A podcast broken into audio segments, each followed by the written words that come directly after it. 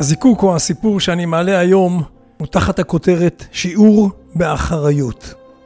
לפני כמה שבועות, במפגש משפחתי, פגשתי לראשונה את הפסלת והאומנית ידועת השם אילנה גור.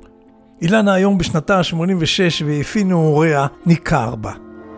פטפטנו מעט, ואז כששמע על חיבתי לעולם הסיפורים, סיפרה לי על בעלה לני. לני לואנגרוב, היום בן 91, ואיתו היא מחלקת את זמנה כבר 66 שנים בין יפו וניו יורק. לאחרונה הוא הוציא לאור ספר סיפורים מחייו לצד אילנה, והיא בטובה העניקה לי עותק מספרו.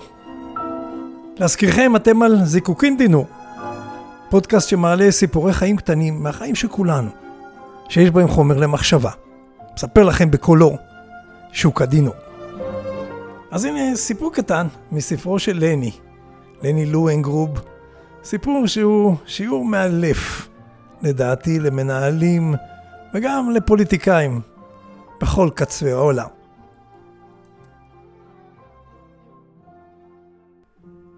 אני אז בחור צעיר בן 31, כך הוא מספר, מועסק כמנהל סניף לוס אנג'לס של חברה ארצית גדולה בתחום הקייטרינג וההסעדה. יום אחד אני מקבל שיחת טלפון מנשיא החברה שלנו בניו יורק.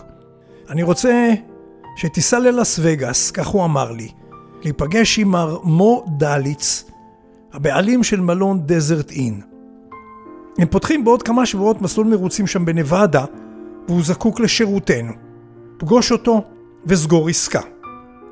הוא לא סיפר ולו במעט שמר דליץ הוא גנגסטר יהודי, בוס במאפיה.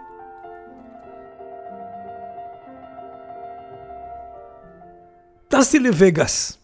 עליתי לקומה השנייה במלון, עברתי דלת אחת, ועברתי עוד דלת, ונכנסתי לחדר בגודל של חצי מגרש כדורגל. בקצה השולחן המרוחק ישב מודליץ. אני הצגתי את עצמי, ואז הוא אמר, האם יש לך את הניסיון להאכיל 50 אלף איש? וספר לי גם מה אתה עומד להגיש שם וכמה זה יעלה. תראה, להאכיל 50 אלף איש זה המקצוע שלי, עניתי לו. אם אתה רוצה להיות מעורב בפרטים, אז אתה לא צריך אותי. יש לך מטבח ועובדים מקצועיים משלך פה במלון. אתה שוכר אותי כדי להימנע מבעיות. אתה תקבל 25% מכל ההכנסות שלנו במקום, ואין לך מה לדאוג. אוקיי, הוא ענה, צא לדרך, בסדר. ואני אוריד דאגות מליבי. נסעתי למקום המיועד. לא היה שם חשמל, לא מים, רק דרך מתפתלת שוממה, ושם צריך יהיה להאכיל 50 אלף צופים. היו לי שבועיים בלבד. התקשרתי לכל הספקים שהכרתי. הזמנתי עשרות דוכנים ניידים מקוקה קולה, הזמנתי מכוניות גלידה ובירות, נקניקיות, לחמניות ומכוניות של קרח. הרי זה המדבר החם של נבדה. התקשרתי לכל מי שהעליתי בדעתי, בתי ספר, צופים, כנסיות, והצעתי אחוזים מההכנסות כדי לגייס צעירים שיפעילו את כל הדוכנים באותו היום. ביום המיועד הייתי שם עם הזריחה עם כל הצוות שלי. ציפינו ליום שמש חם, יום שמש חם מדברי, וקיבלנו יום רוח קרה ועזה. כל מה שדמיינתי התנפץ.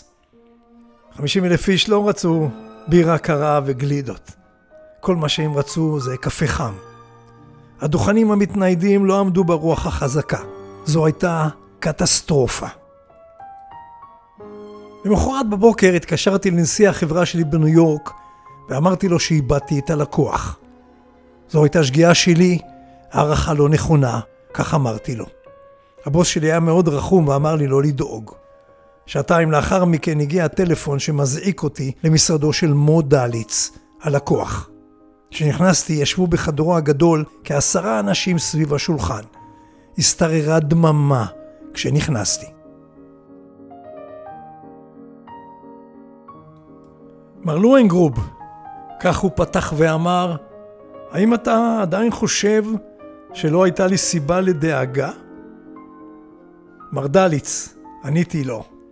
לפני זמן קצר התקשרתי לניו יורק והודעתי לבוס שלי שאיבדתי אותך כלקוח. עשיתי שגיאה גדולה. זו בוודאי טעות שלי. מה שלא תאמר, מר דליץ, אני אעמוד כאן ואקשיב וגם אסכים. אתה צודק, ואני לא הייתי בסדר. בחדר השתררה שתיקה של דקה מאוד ארוכה. ואז הוא פנה אליי ואמר, יש לנו מרוץ נוסף בעוד חודש. האם אתה חושב שתהיה מוכן? אני כמעט ונפלתי. בוודאי, עניתי לו בהחלטיות ויצאתי מהחדר. במסדרון חיכיתי עד שכל האנשים שהיו בחדר יצאו, ואז נכנסתי חזרה. מר דליץ, פניתי ואמרתי לו, אין לי מושג מדוע לא פיטרת אותי. לו הייתי אתה, הייתי מפטר אותי. והוא הביט בי וענה לי בשקט. ראית את כל האנשים שישבו כאן? כל אחד מהם, כל אחד מהם, היה אומר לי למה זו לא הייתה אשמתו. תמיד זה מישהו אחר שאשם. והנה אתה, עמדת מולי ואמרת לי שרק אתה אחראי. אפילו אמרת זאת לבוס שלך שהיה יכול לפטר אותך. בחור צעיר, אני מבין שהייתה בעיה עם מזג האוויר שהיה בלתי צפוי, אבל אפילו בזה לא השתמשת כתירוץ, ולקחת את כל הכישלון על עצמך. אתה מסוג האנשים שאני מחזיק מהם. אם אי פעם תהיה זקוק לי, תתקשר. ואני אף פעם לא התקשרתי אליו יותר. כך כתב לני לואנגרוב. כמה מילים ממני. כמה אנשים אתם מכירים בפוליטיקה ובעסקים בכלל, שלוקחים אחריות ומוכנים לשלם מחיר על משגים. נתקלתי פעם באמרה שאיני יודע מקורה, שאומרת בערך כך: לפעמים כדאי לבלוע את הגאווה, לקבל ולהודות בזה ששגית. זה לא מקטין אותך, זה מצמיח. זה לא מקטין אותך, זה מצמיח. הנעימה שברקע היא של מוצרט, קונצ'רטו לפסנתר, מספר 21, אנדנטה, מנגנת מישהי בשם קסיה. זיקוקין דינור, שוקה דינור.